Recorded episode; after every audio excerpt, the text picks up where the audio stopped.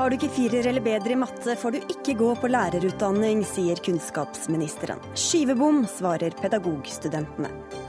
Norske kvinner bør få lov til å fryse ned eggene sine for å kunne bli gravide senere i livet, mener flere leger. Helt feil å jobbe mot den biologiske klokka, svarer KrF. Arrangert ekteskap er arrangert voldtekt, og i praksis hallikvirksomhet, mener regissør. Og William Nygaard skal passe på forfatteres ytringsfrihet, men kritiserte Ibsen-prisvinner Peter Hanke for å gå over streken. Nå beklager han.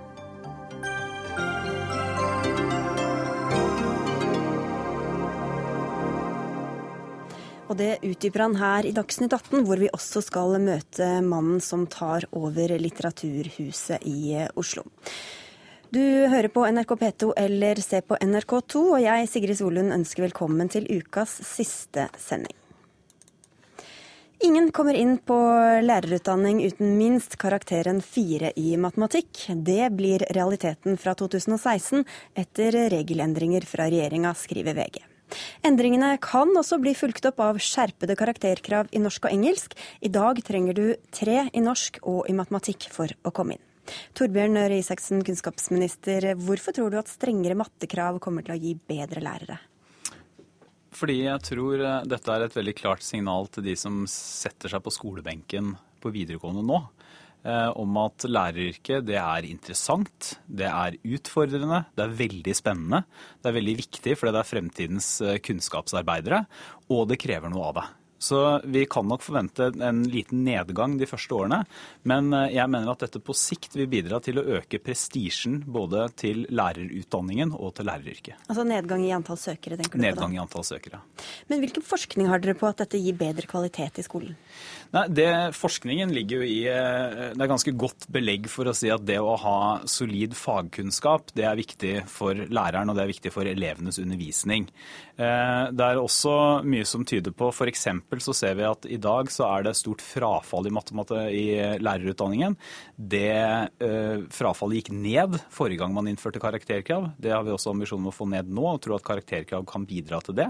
Og så handler det også om Erna Solberg hun sa det at hun mente uh, at målet vårt måtte være at læreryrket skulle bli et av de mest populære yrkene og en av de mest populære utdannelsene i framtida.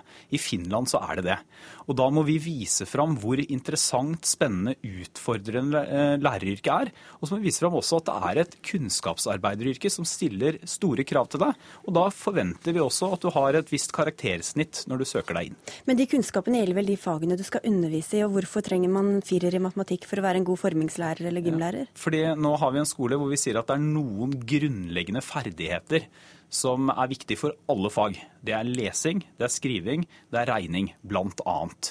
Så det å være beherske matematikk, det gjør at du for det første har større sjanse til å komme gjennom lærerutdanningen. Det er et viktig signal til ungdommen. Og det er altså noe som skal gjennomsyre alle fag i skolen. Mette Furulund, du er leder for pedagogstudentene i Utdanningsforbundet, og dere kaller dette skivebom. Hvorfor er det det, mener du? Nei, vi mener at uh, dagens krav er, uh, er, tilfredsstillende for å komme inn på lærerutdanningen. Vi mener at det er i utdanningen uh, kravene skal stilles. og at, som du sier, solid fagkunnskap, det mener vi at det kommer gjennom å ta en lærerutdanning. Og nå blir jo den femårig, noe vi setter veldig stor pris til. Og vi støtter regjeringen i den avgjørelsen å gjøre grunnskolelærerutdanningen til en master. Vi mener at det vil føre til at eh, vi får mer kompetente lærere eh, med mer solid fagkunnskap. Eh, ja, gjennom det tiltaket. Men hvorfor ikke hente inn de beste studentene ved å sette kravet høyere i utgangspunktet, da? Eh, som sagt så mener vi at eh, det er ikke en selvsagt ting at å ha fire i matematikk gjør deg til en god lærer. Eh, det er gjennom utdanninga man får eh, tilegner seg kunnskap. Og øh, hvis vi skal bruke matematikk som et eksempel, da, så er ikke andre klasse videregående matematikk den type matematikk man øh, jobber med i lærerutdanningen.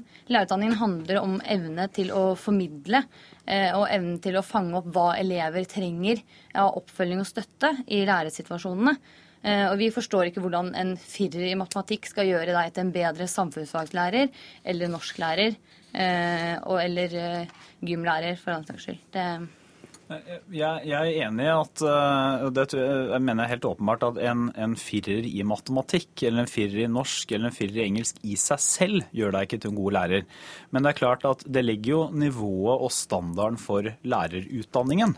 Eh, og hvis vi har som mål at eh, lærerutdanningen skal, som den jo er, være en faglig utfordrende utdanning som tiltrekker noen av de aller beste elevene vi har i videregående skole, som skal ut og bli fremtidens viktigste kunnskapsarbeidere, så mener jeg at dette er et viktig signal om det. Men hva med alle så, de som bare ønsker, unnskyld, det, ja. hva med alle de som ønsker å bli lærere fordi de føler at de har kjempeflinke til formidling f.eks.? For de har stor interesse for noen fag. Jo, men jeg, det, det, å være flink til å formidle er, er kjempeviktig når du er lærer. Den men, kan du men, miste da med et sånt krav? Ja, men vi må, også, vi må også si at det faglige innholdet er også veldig viktig. Så det er ikke sånn at du blir en Selv om jeg er helt enig at du blir ikke en god lærer bare av å ha eh, fire i norsk, f.eks. Du må også kunne formidle eller være en god pedagog, didaktiker som det heter også. Men du må jo også ha det faglige. Men hvorfor er det da matematikk? At, nei, og det er jo, Vi starter med matematikk. I regjeringserklæringa så står det at vi, vår ambisjon er at du skal ha uh, karakteren fire både i norsk, matematikk og engelsk for å komme inn. Så starter vi nå med matematikk. Fordi vi, vi ser at dette kan føre til et dypt ned i, i søknaden de første årene. Eh, så vi, lager vi også en ordning hvor man kan få et forkurs. Altså Hvis man har karakteren 3, så vil man sånn som man har på en del ingeniørutdanninger f.eks., kunne ta et forkurs, kvalifisere seg gjennom det, bestå en prøve der for å kvalifisere seg til studiet likevel. For å bøte på en del av da, eh, si, rekrutteringsbortfallet. Ja, Da lurer vi på også om det ville bli innført eh, forkurs i andre fag? Eller er det kun matematikk som er viktig når man skal inn på lærerutdanningen? Nei, matematikk er ikke det eneste som er viktig. Men vi, for å være helt ærlig, så er det sånn at vi, vi så at hvis vi hadde fra og med 2016 innført karakteren 4 i både norsk, matematikk og engelsk, sånn som regjeringserklæringa sier, så ville vi fått altfor store rekrutteringsutfordringer. Altså da var det ingen som hadde kommet nei, da, inn? Ja, altså, det er feil å si at det er ingen, men det er veldig mange som ikke ja. ville kommet inn. Men, men hvorfor er det akkurat som matematikk? Nei, vi, som er det viktigste, da? Det er tre grunner til at vi starter med matematikk. For det første så har Norge et realfagsproblem.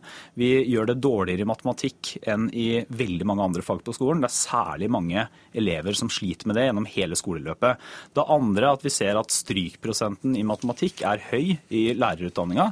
Og den tredje grunnen er også at matematikk er en god mulighet til å sjekke sjekke om dette systemet fungerer, eh, ved å motivere elever til å søke på lærerutdanningen, si at det er høye faglige krav, skal, eh, skal ut i et utfordrende yrke. Men samtidig lager vi da en liten sikkerhetsventil gjennom dette forkurset. Og da er det mange som er bekymra, inkludert deg selv, ettersom hva jeg forstår, for at, at, søknaden kommer til å gå ned. Altså det er flere som, eller ikke søknaden, men at det er færre som kommer til å treffe det altså, kravet. og at man, men, men bare for ja. å høre med deg, Furulund. hvem ja. er det du er redd for at de kommer til å miste? Som, hvilke lærere er det vi trenger som ikke blir lærere lenger, eh, frykter du? Altså jeg tror man kommer til å miste veldig mange eh, dyktige formidlere eh, som brenner for faget sitt. Eh, og jeg mener at man kun straffer elevene når man fratar dem muligheten til å få dyktige lærere og engasjerte lærere som kan undervise i samfunnsfag, i engelsk, i fransk, i kroppsøvning, i musikk. Veldig mange eh, dyktige lærere som ikke vil få muligheten til eh, å hjelpe elever i sine læringsprosesser. Og vi lurer også på dette med, eh, med rekruttering. Vi tenker at Det viktigste eh, er jo selvfølgelig å beholde studentene i skolen utdanningen. Eh, noe frafall er bare sunt. Hvis folk finner ut at de ikke ønsker å bli lærer, så skal de selvfølgelig slippe å bli det. Men vi mener at eh, finansieringsordningen også er et stort hinder for å få gode, kompetente lærere ut. Fordi institusjonene taper penger på å stryke studenter. De taper penger på å veilede studenter som ikke er egna og har personlig egnethet til yrket, ut. De tjener på høy gjennomstrømning og produserer mest mulig studiepoeng. Det gjør at de overbooker for å sikre seg de økonomiske midlene de trenger. Og da får vi overfylte forelesningssaler, vi får store praksisgrupper, som gjør at lærerstudenter ikke får god nok praksis.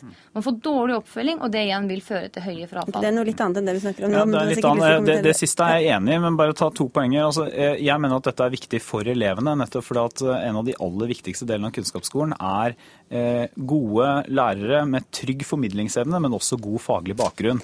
Og så er det jo verdt å merke seg at Elevorganisasjonen har i dag hilst dette forslaget velkommen. De er den organisasjonen som, som representerer norske elever.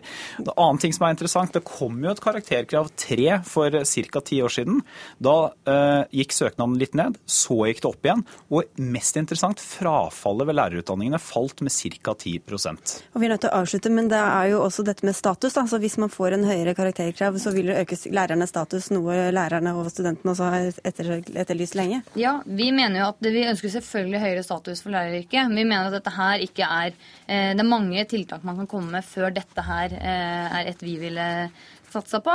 Eh, vi mener at høyere lønn eh, er selvfølgelig et godt argument, men det er også noe med det å snakke lærerne opp. Det, er, det siste året så har lærerne blitt snakka veldig mye ned i media, og media har et nesten ensidig fokus på at lærerne må bli bedre, lærerne må jobbe mer, lærerne må lære seg mer, de må ta videreutdanning og etterutdanning.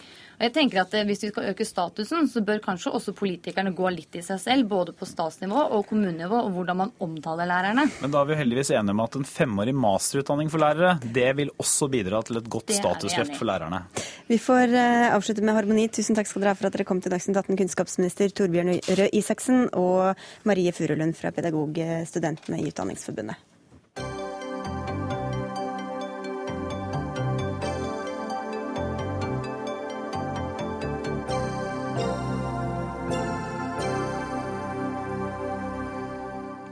Norske kvinner får barn i høyere alder enn det som var vanlig for noen år siden. Det gjør at noen ønsker å fryse ned eggene sine før de slutter å være fruktbare.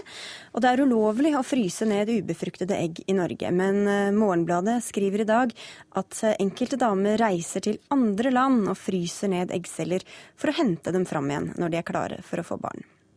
Overlege ved fertilitetsseksjonen ved St. Olavs hospital, Liv Bente Romenstad. Hvem er det som ønsker å fryse ned eggceller for å kunne bli gravide senere?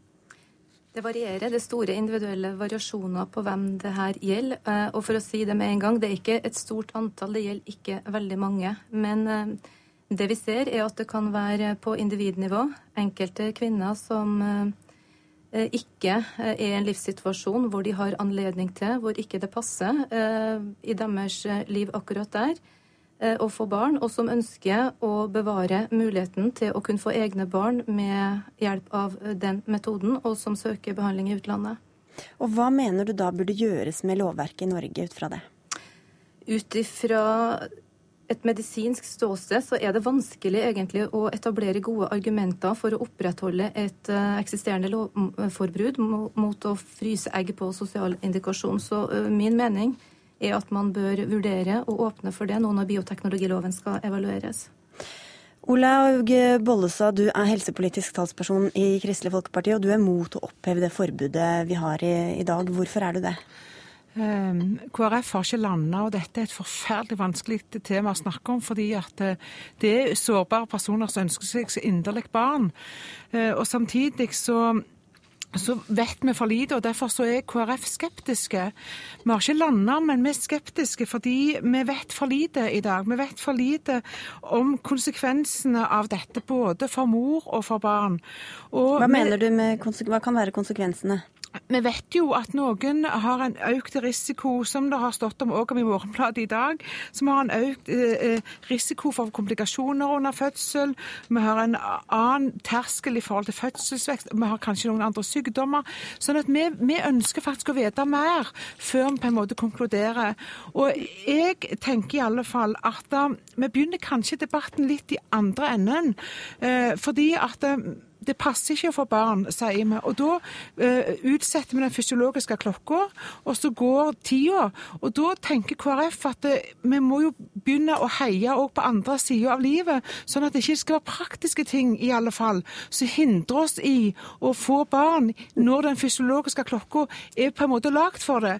Så ser jeg at det er noen ganger i livet hvor dette er vanskelig. og Det er de gangene jeg sier vi vil gjerne vite mer, både sosiologisk, fysiologisk psykologisk og helsemessig. Hva betyr det dette har både for mor og barn, vi skal, før vi konkluderer? Vi kan jo begynne med det fysiologiske. Hva vet du om det, Rommenstad, om hva som er eh, faremomentene for mor og barn ved en sånn eh, teknologi?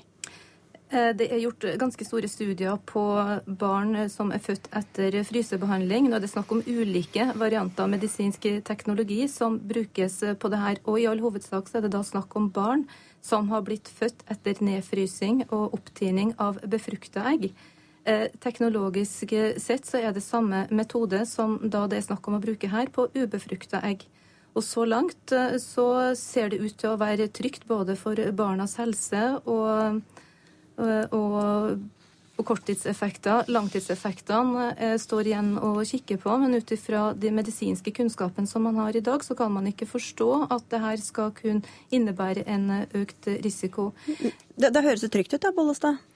Ja, men det er klart, det er jo ulike forskere her. Vi har jo uttalelser fra Rikshospitalet som sier annerledes. Så jeg tenker vi må være sikre på hva vi gjør før vi endrer en lov. Fordi dette har en betydning som er ganske stor. Og da tenker vi at vi vil vite mer før vi sier ja. Og så var det til det andre poenget, nemlig naturen er jo innrettet sånn at vi er mest fertile når vi har eh, mest energi, når vi er friskest, når det passer best for kroppen og for barn, for å si det sånn, eh, Rommenstad. Hvorfor skal vi legge til rette for en praksis som da tillater at barn barn for barn når de egentlig er for gamle for det? Jeg er helt enig i det som blir sagt, og det er helt åpenbart at fra et samfunnsperspektiv så skal vi jobbe for at så mange som mulig får barn på vanlig måte tidligere i, i livet. Eh, og jeg synes også Det er viktig å presisere at vi som fertilitetseksperter forsøker å forstå og spille på lag med naturen eh, mest mulig. sånn at det her er ikke en strategi reproduksjonsmessig som man skal legge opp til. Man skal tvert imot prøve å legge til rette for at man kan få barn eh, så tidlig i livet mens man ennå er frukt, fullt fruktbar. Men derimot på individnivå så ser man at det hos enkelte ikke var, eh, var mulig eh, av ulike grunner, og det her er en ekstremt sårbar eh, gruppe. Ja. Ja, og Bollestad, Hva skal man gjøre hvis du f.eks. er singel og 25 år og enten uh, får en sykdom eller må ha en behandling som gjør at eggene blir ødelagt, og du kan ikke bruke dem igjen senere? Du blir rett og slett infertil? Nei, Det er jo det som er det kjempevanskelige. Jeg har fulgt noen pasienter faktisk som, som eh, får en alvorlig sykdom og må, må, kanskje si til seg selv at det ikke er sikkert jeg får det. Eller at de ønsker å ta ut egg. Så det er jo akkurat de debattene som er så forferdelig vanskelige. For Alternativene er dere jo heller ikke så glad for, at man reiser til Danmark og får donorsæd f.eks.? Nei, og, og det, er det, er, det, er jo det som er det vanskelige. Men det er jo der eh, jeg og KrF ønsker at vi faktisk skal tørre å ta de diskusjonene og hva konsekvenser. Og jeg har lyst til å utfordre hun fra fertilitetsklinikken tenker òg på hvor setter vi grensene for hvem er det som skal få. For når en sier en ønsker at normalen skal være at en får barn når på en måte den fysiologiske klokka er best, hvem skal sette de grensene for hvem som skal få? Og hvordan, og hvordan kan vi på en måte forvalte det? Og Derfor så skulle jeg ønske vi hadde visst mer. Men nå kan vi jo spille den inn til henne der, Rommenstad. Hvor skal grensa gå f.eks. i alder for hvem som skal få eh, satt inn et eh, egg?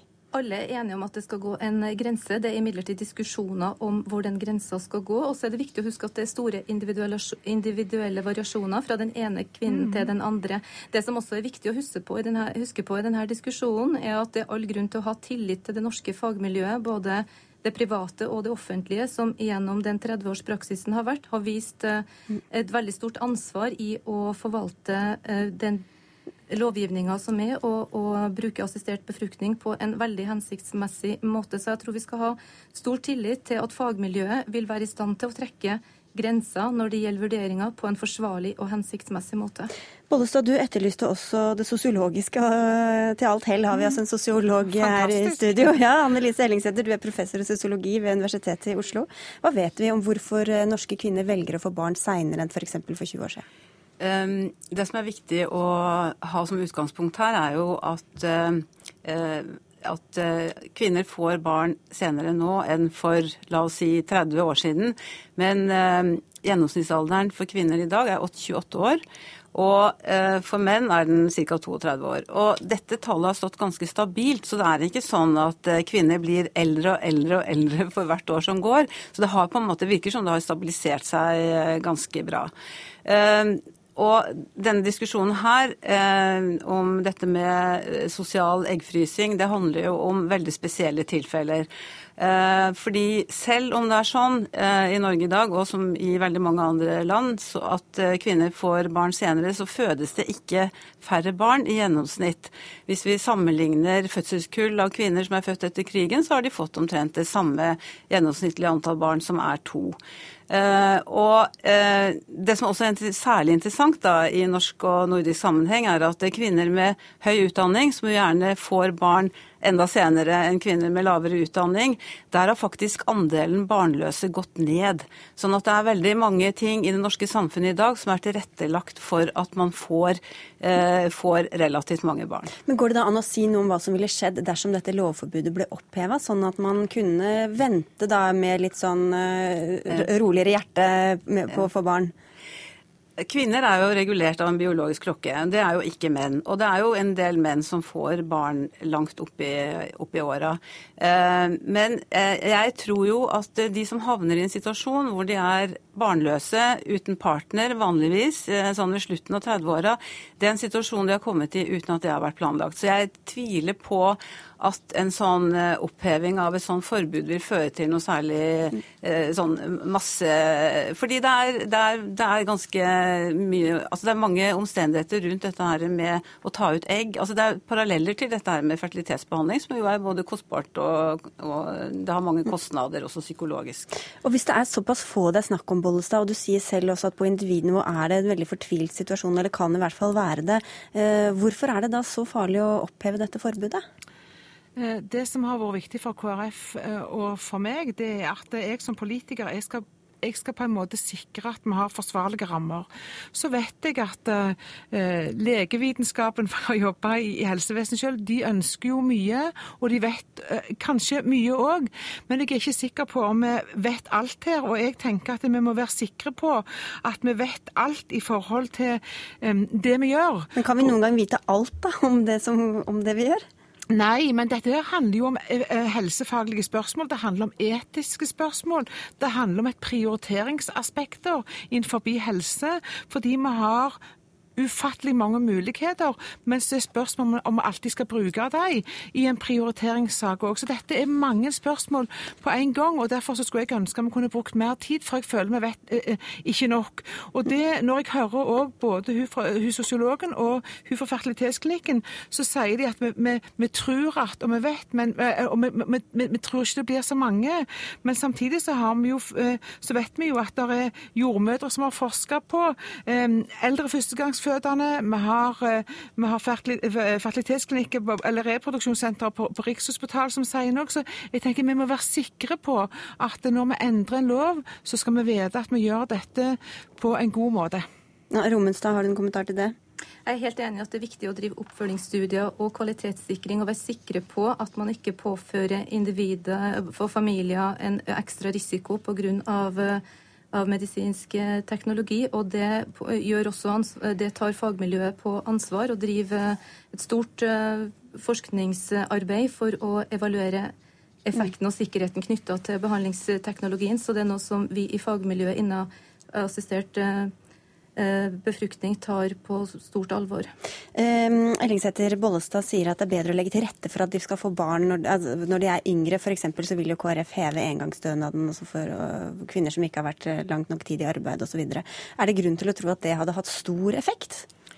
Ehm, jeg tviler på det. Og jeg tror at eh, det har vært gjort eh, mindre studier av eh, studenter og det å få barn. Og jeg tror at det er, det er ikke så fleksibelt å ha barn som student som det man gjerne tror, fordi at det er ganske utfordrende å gjennomføre et, et studium. Og det er jo dette med utdanning som er hovedårsaken til at kvinner får barn noe senere i dag. Hvor realistisk er det å tro at man skal snu denne trenden, Bollestad? Ehm, vi vet i alle fall at de største aborttallene er mellom 20 og 24 år når studentene er aktive studenter. Og jeg tror at eh, noen hadde kanskje valgt annerledes hvis vi hadde prioritert muligheten for det. Både hvordan studiet skal være, hva stønad de får, og hva sosialt nettverk vi klarer å bygge rundt. Og Det er en viktig bit av dette, at en skal iallfall ha et reelt valg til å bære fram barn selv om du er ung. Og nå er altså bioteknologiloven til eh, revisjon, og kanskje blir dette antagelig også et spørsmål etter hvert. Takk skal dere ha i hvert fall for at dere kom til Dagsnytt 18 i denne omgang. Eh, sosiolog Anne Elise Ellingsæter, Olav Bollestad fra KrF og Liv Bente Rommenstad fra St. Olavs hospital.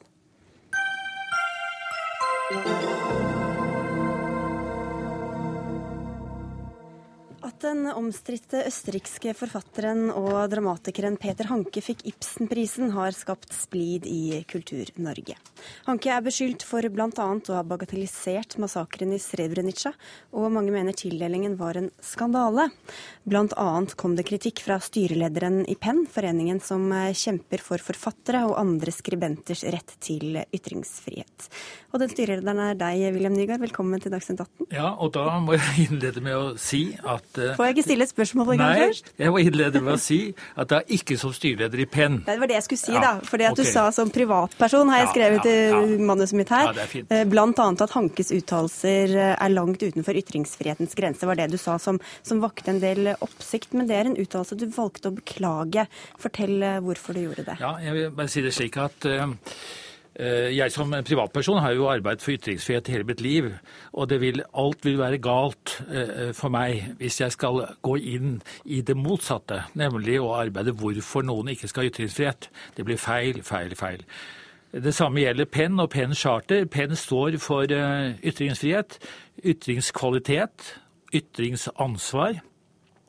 Og igjen, eh, hvis disse to, rollene da integreres, så vil det være helt feil både for Pens støttere, støttende, Pens medlemmer, styre og arbeidsutvalget og oss alle, hvis vi skal bruke tid og helt tatt energi på å arbeide mot eller snakke om hvorfor vi ikke skal ha ytringsfrihet.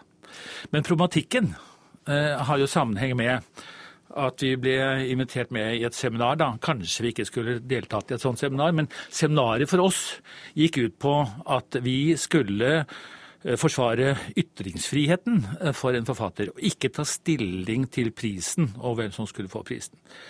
Eh, og det scenarioet forløp bra, rent bortsett fra at det kunne vært mer allsidig i sin sammensetning. Men dermed var det plutselig en agenda satt for eh, at jeg eh, var med i dette, og ble da intervjuet. Og omstendighetene der jeg befant meg, lettvendt, eh, altfor lettvint sitatsjekk, bare mitt ansvar, understreker det, gjorde at denne setningen kom på trykk. La det være klart at hele Jugoslavia-konflikten eh, Ja, jeg Vi må jo bare Ja. yle og si at det er det han, er- han er, fått, er beskyldt for å ha støttet Slobodan Milosevic blant Ja. osv. Ja. Nettopp. Altså, jeg møtte faktisk Hanke da han var i Oslo. Riktignok ved en tilfeldighet, men usedvanlig viktig møte for meg, selv om det var kort.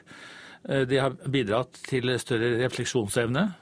Eh, Jeg ble nok offer, jeg, som mange andre, for den allmenne holdning ikke sant, til at eh, Milosevic sto for folkemord, etnisk rensning og hat og vold.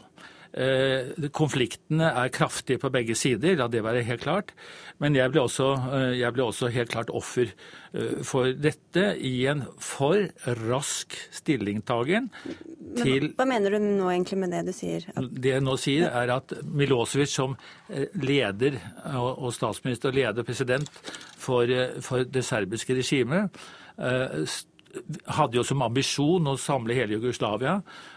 Og selv om ikke det er offisielt uttalt, og kommer jo da i konflikter ikke sant, med det eh, multietniske, med det muslimske bosniske samfunn. Og eh, de, de utrenskningene som skjedde der, eh, eh, sto jo da ledelsen i, i, i, i eh, Milosevic og hans regime for åpenbart. Og eh, det er jo denne konflikten det er jo denne konflikten som Hanke skal ha og må ha retten til å kommentere, sågar unnskylde, i sin eh, frie ytringsrett.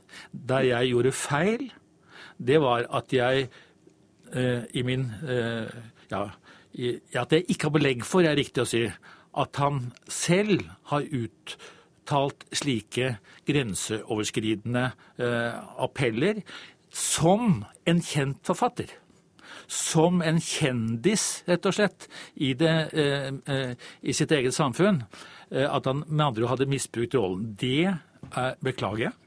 For det er feil av meg å, å, å si, når jeg helt riktig som Knausgård ber om, jeg vil ha belegg for.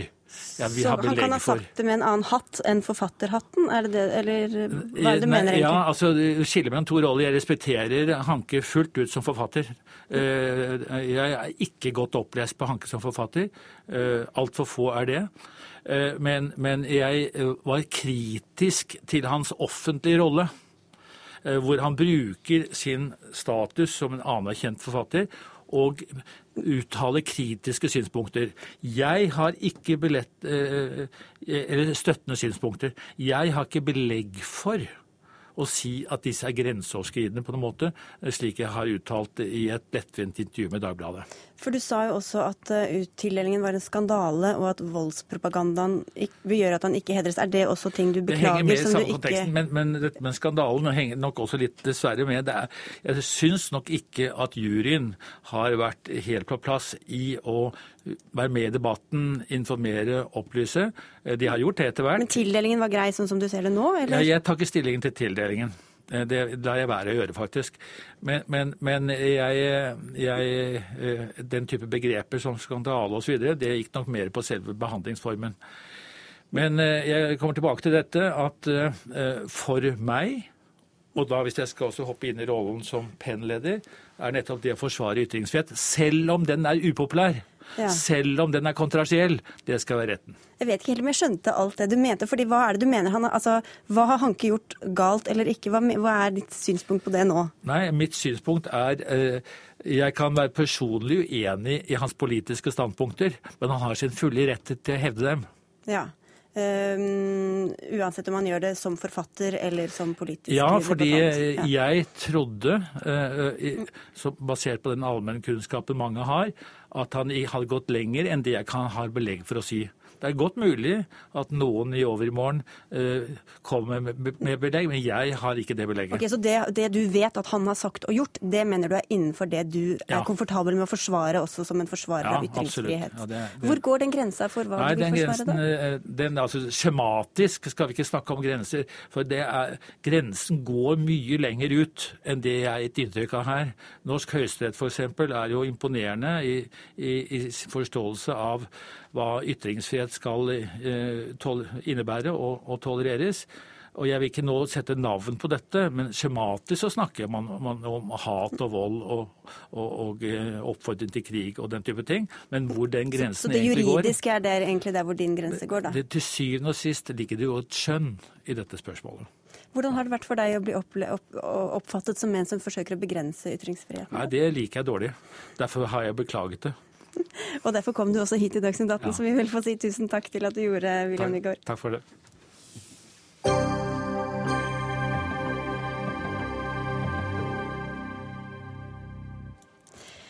Mange har irritert seg over at de ikke kan bestille varer fra utlandet som koster mer enn 200 kroner uten å betale moms og gebyrer. Men ifølge VG kan maksgrensa for momsfrihandel bli økt til 400 kroner.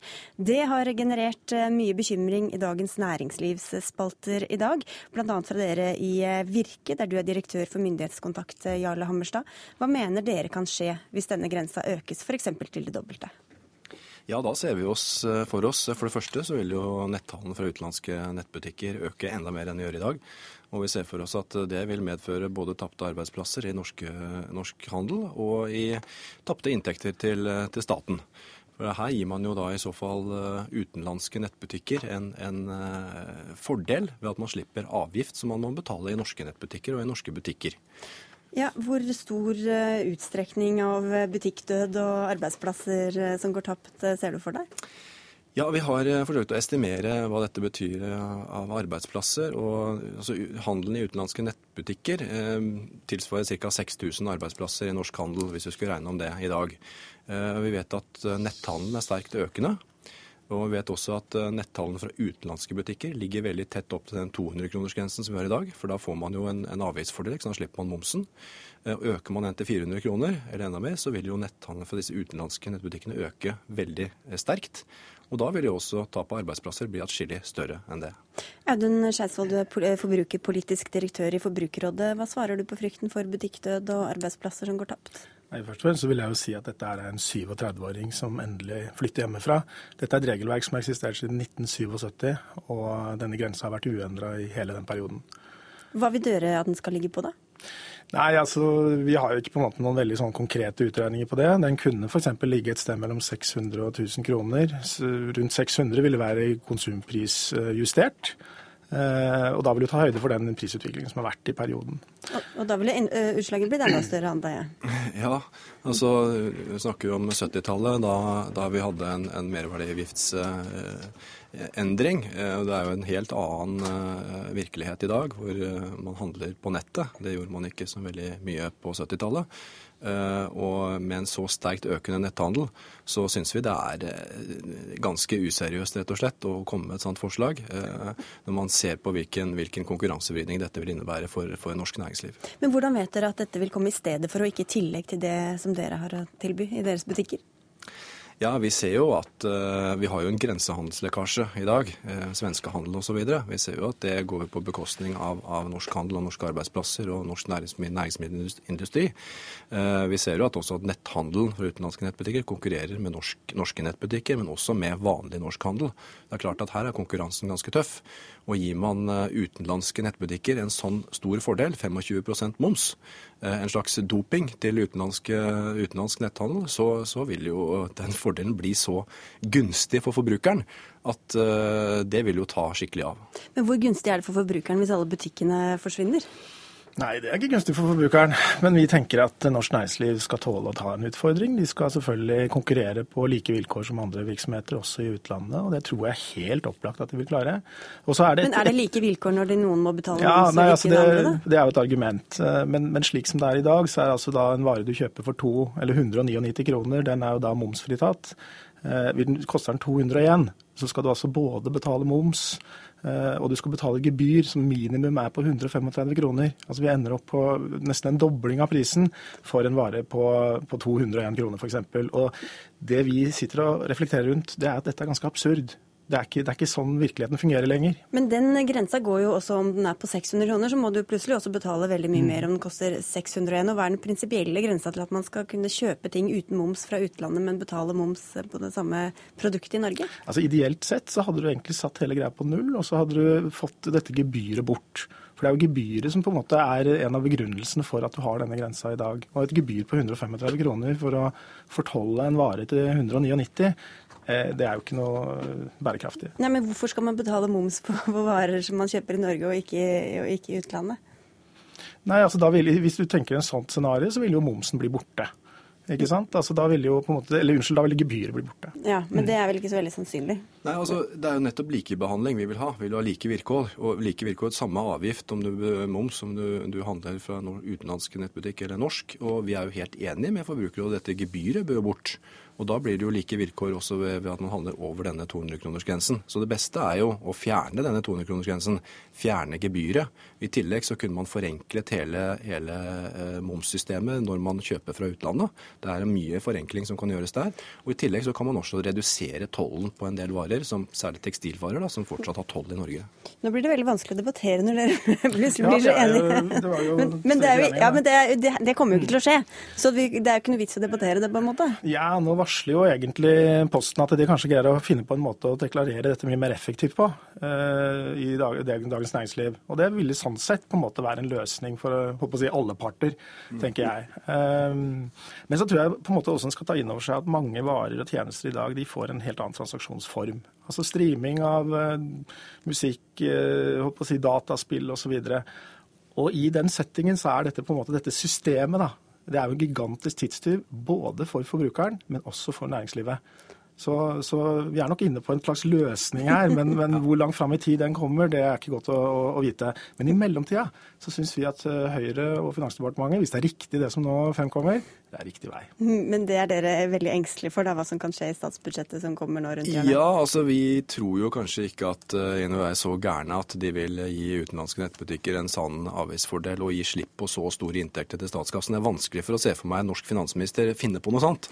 Men uh, vi får se den 8. oktober når statsbudsjettet kommer. Ja, Det nærmer seg. Vi får si takk i denne omgang for at dere kom til Dagsnytt 18 i hvert fall. Audun Skeidsvold fra Forbrukerrådet og Jarle Hammerstad fra Virke. Takk skal dere ha.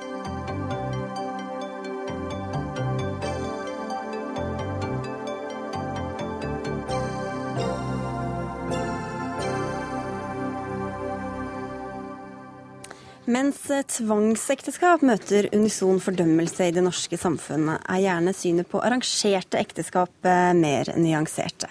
Men i VG i dag kunne vi lese at arrangerte ekteskap er som arrangerte voldtekter. Det er du som sier dette, regissør og samfunnsdebattant Ulrikke Imtias Rolfsen. Hva mener du med den uttalelsen? Nei, Nå var dette utsagnet sagt i forbindelse med mm, promoteringen av den nye filmen min, 'Haram'. Og, og der handler det om, om, kulturforskjeller. Og en av de store kulturforskjellene er jo at norske ungdommer får lov til å velge hvem de skal forelske seg i. Mens pakistansk ungdom eh, har ikke den friheten, og de må ta til takke med den som slekta velger. Og Du kan tenke deg selv at hvis du selv skal få gitt din eneste seksualpartner i livet av slekta. Det er en fra slekta. Dette er den personen du skal ligge med resten av livet. Så er det et overgrep som kan føles som en voldtekt. Og du eh, sa til oss tidligere i dag også at du sammenligner det med hallikvirksomhet. Ja. Hva tenker du på da? Jeg tenker på det at eh, det, det gis fordeler. Hvis eh, du gifter bort barna dine på riktig måte, så gis det fordeler i, forhold, i, i, i form av, eh, av, penger eller Eh, ære eller anseelse etc., etc.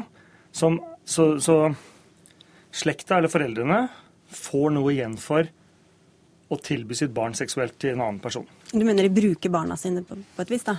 Helt korrekt. Eh, Noman Bubashir, du er journalist her i NRK. Hva syns du om eh, parallellene mellom arrangerte ekteskap og, tvangs, eh, og, og, og voldtekt og hallikvirksomhet? Eh, jeg, altså Ulrik er jo kjent for å sette ting på spissen, eh, og det er jo bra, for da får man en debatt eh, om å få fram nyanser.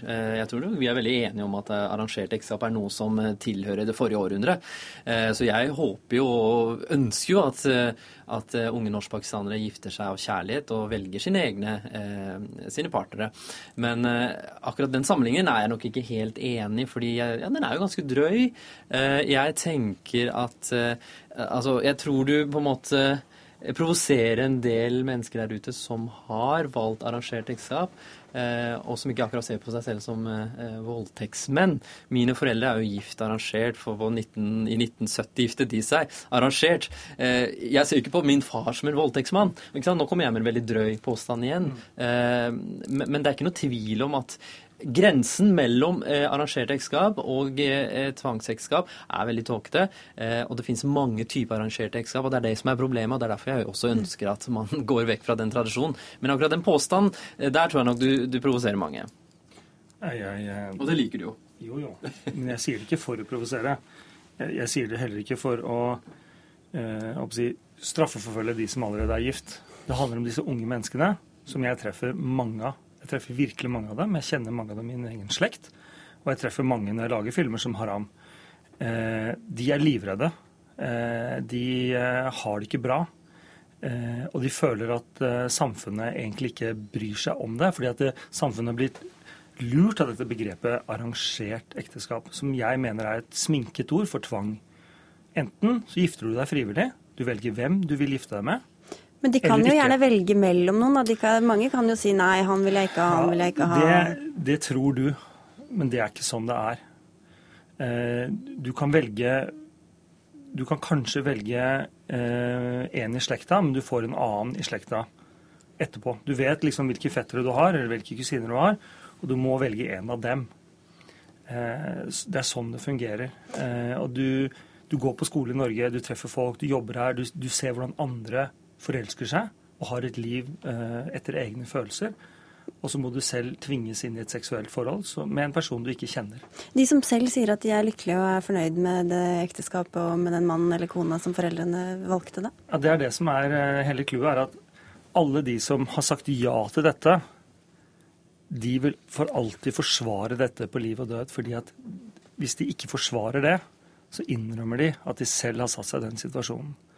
Så at eh, det er veldig vanskelig for dem å, å, innrømme. Og på samme måte som Noman sier, alle de som da er måte et produkt av et arrangert ekteskap, de har veldig vanskelig for å angripe det arrangerte ekteskapet. For det første så handler det om å angripe sine egne foreldre. Og for det andre så handler det egentlig om å angripe seg selv litt. da. Så, så det er veldig vanskelig å innrømme disse tingene.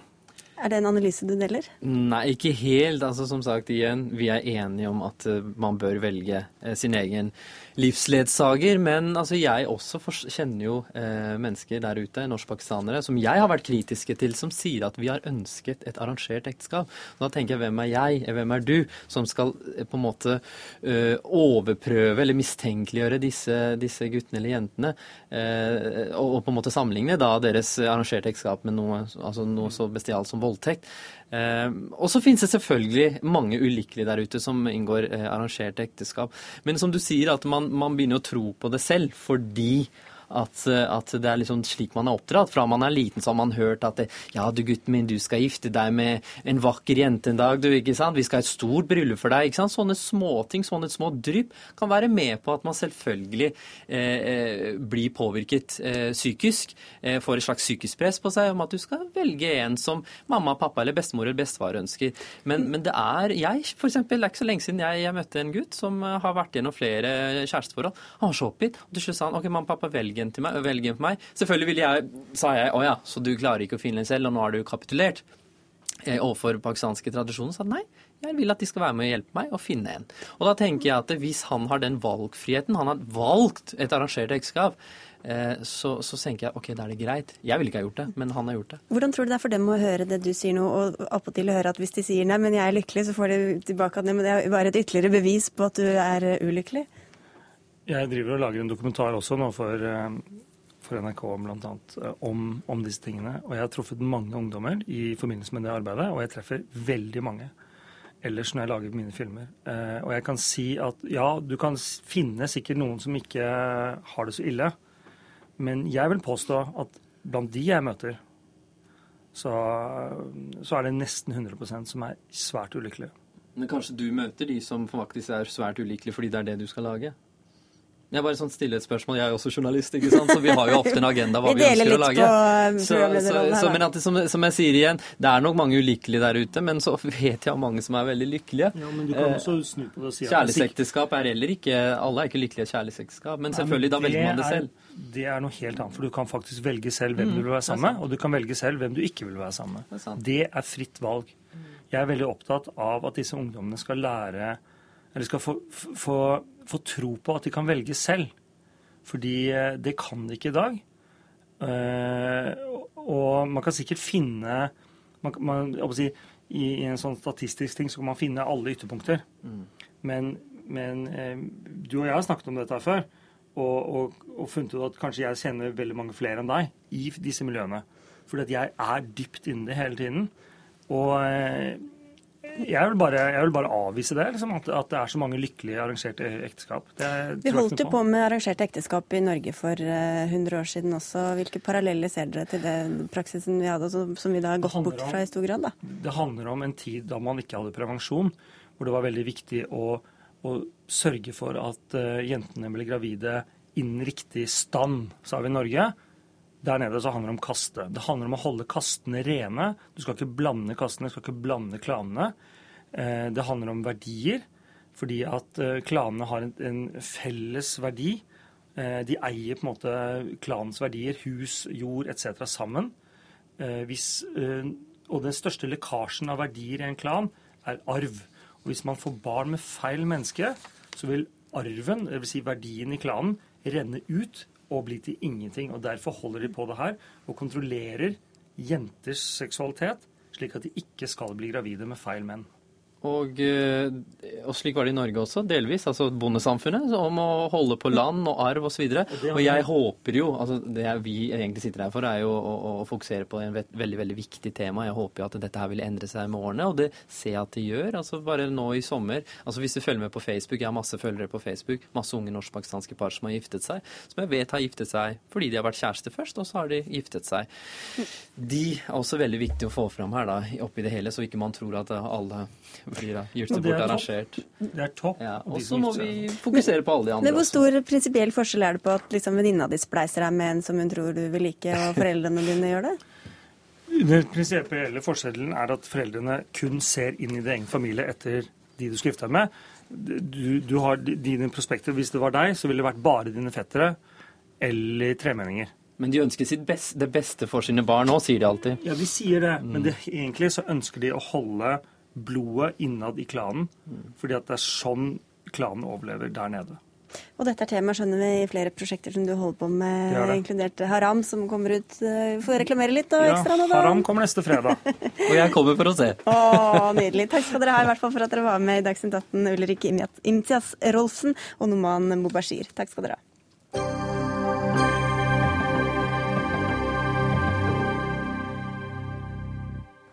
Litteraturhuset i Oslo har rukket å bli et sted både for å se og bli sett, og en arena for debatt, samtaler og lanseringer siden åpninga i 2007. Og i dag ble det kjent at den som skal drive stedet videre som ny daglig leder, er deg, Andreas Wiese. Vi får slutte oss til rekken av gratulanter. Takk skal du ha.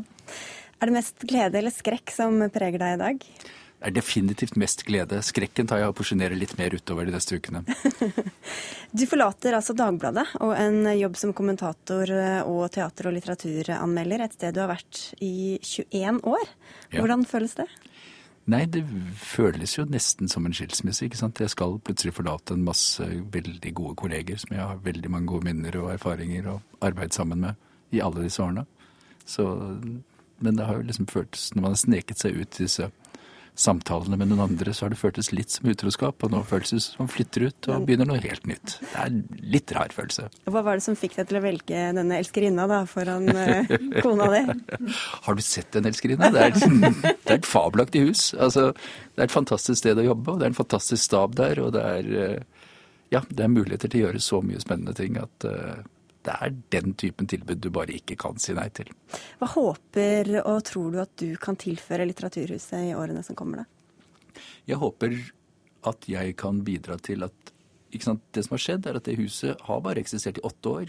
Og på de åtte årene så har det rukket å bli en institusjon i norsk kulturliv, og en institusjon i all vår offentlige samtale. Og det er der ting skjer. Og den delen av, av offentligheten håper jeg å kunne bidra til å fortsette. Og for å gjøre det så må jeg jo forandre litt på noen ting også. Vi kan komme tilbake til om du vil eh, røpe noe hva du vil forandre, men Agnes Moxnes, du er kulturkommentator her i NRK. Eh, Aslak Sira Myhre er jo den mange forbinder med Litteraturhuset. Det er altså mannen som Andreas Vise Wiese tar over etter. Eh, er Wiese rett mann til å videreføre arven?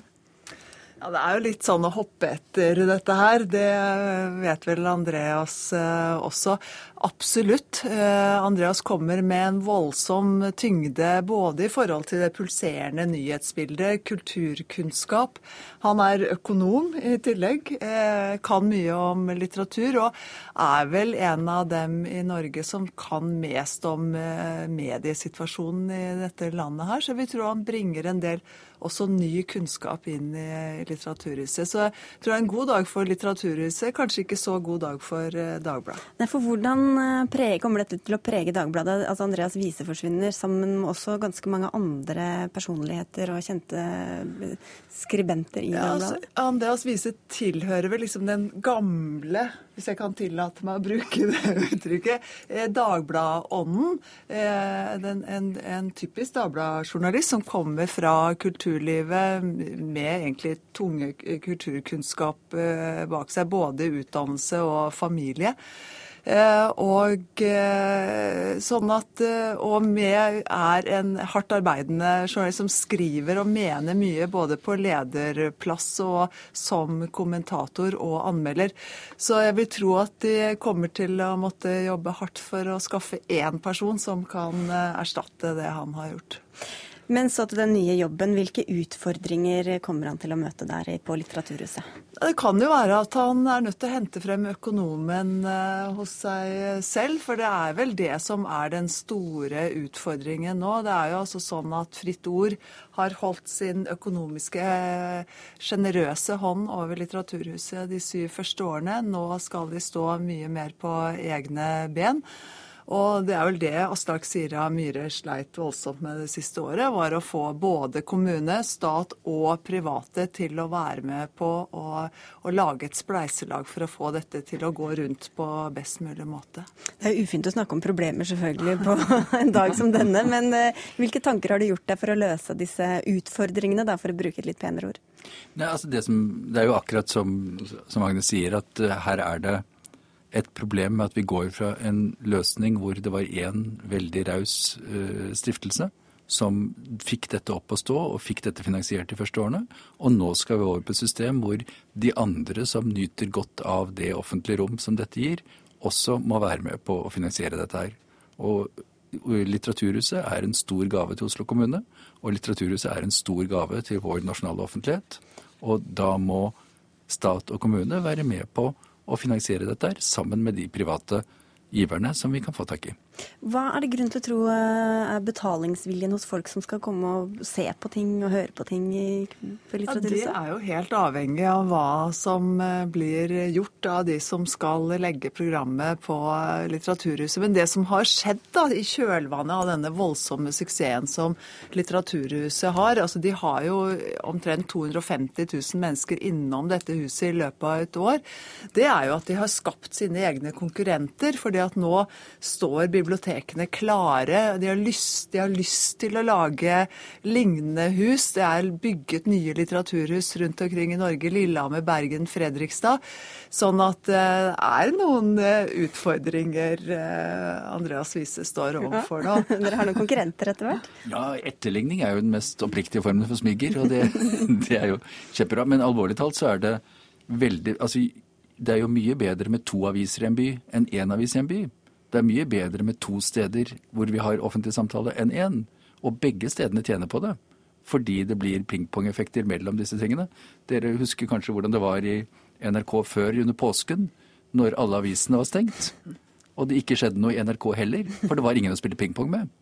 Og på samme måten er det med litteraturhus og med offentlig debatt og den type ting, at når det er flere, så kan man få til mer. Men er det nok interessante debatter og nok interessante mennesker til å fylle alle disse husene etter hvert, Agnes Moxnes? Du hadde jo akkurat William Nygaard i studioet her, og, og, den eh, litt uh, kjedelige situasjonen han kom opp i, var jo etter et møte på Litteraturhuset hvor Helsingforskomiteen og Penn satte hverandre stevne uh, og haussa hverandre opp kanskje litt ukritisk retning, sånn at det skjer hele tiden. så debattene er mange, og, og mulighetene er mange. Og jeg tror at det å komme fra liksom, det dagsaktuelle nyhetsjaget som Andreas Wiese kom fra, er, må være et pluss i en sånn sammenheng. Men det er mange ting dere holder på med. Det er foredrag, og det er debatter, og det er lanseringer, og det er skriveloft. Hva er kjernen i, i virksomheten deres framover, sånn som du ser det? Kjernen i virksomheten vår fremover er litteraturen. Det er derfor det heter et litteraturhus. Og det er et sted hvor dem som er interessert i litteratur, i tekst, enten det er sakprosa eller fiksjon, kan møte dem som skaper, og dem som tenker om det. Og vi har et loft fullt av folk som skriver og oversetter, og som jobber der hele tiden. Og, som, og vi har kjelleren full av unger som kommer for å få et barneboktilbud. Og dermed så, altså det er et, Poenget er at det må være et hus for alle, med veldig lav terskel ved døren og veldig høyt under taket. Og da eh, får vi det til. Men det er jo også et sted hvor det har vært mange fra kultureliten som ser og blir sett. Tror du det kan virke litt ekskluderende eller jålete for noen eh, deler av befolkninga? Det håper jeg ikke, og hvis det skulle gjøre det, så vil jeg jobbe det jeg kan for at det ikke skal gjøre det. Du var innom eh, helt i begynnelsen her på hva du eventuelt vil gjøre annerledes. Har du noen programerklæring å komme med på tampen? Nei, jeg har ikke noen stor programerklæring å komme med. Altså, Jeg er opptatt av at Litteraturhuset skal bli et tilbud for hele Norge. Og jeg er opptatt av at Litteraturhuset skal bli et tilbud for alle mennesker. Og nettopp derfor er det viktig å ha den lave terskelen inn her. Fordi alle skal kikke i den katalogen på Litteraturhuset og finne noe de er interessert i. Og så skal de komme. tror du de vil gjøre det, Agnes Moxnes? Eh, ja, det tror jeg helt sikkert. Takk skal du ha. Du skal kanskje ned dit nå, Andreas Wies, og ta et glass vin eh, på terrassen der, eller? Det hadde vært veldig hyggelig. Godt forslag, takk skal du ha. Dere får ha tusen takk for at dere tok turen eh, til Dagsnytt 18 i hvert fall. og Gratulerer igjen og lykke til i ny jobb, Andreas Wiese. Og takk skal du ha, Agnes eh, Moxnes. Nå er sendinga vår eh, slutt, så det er på tide å ønske god helg til alle lyttere og seere. Ansvarlig for dagens sending var Ida Tune Øretsland. Det var Finn Lie som hadde det tekniske ansvaret, og i studio var Sigrid Solund.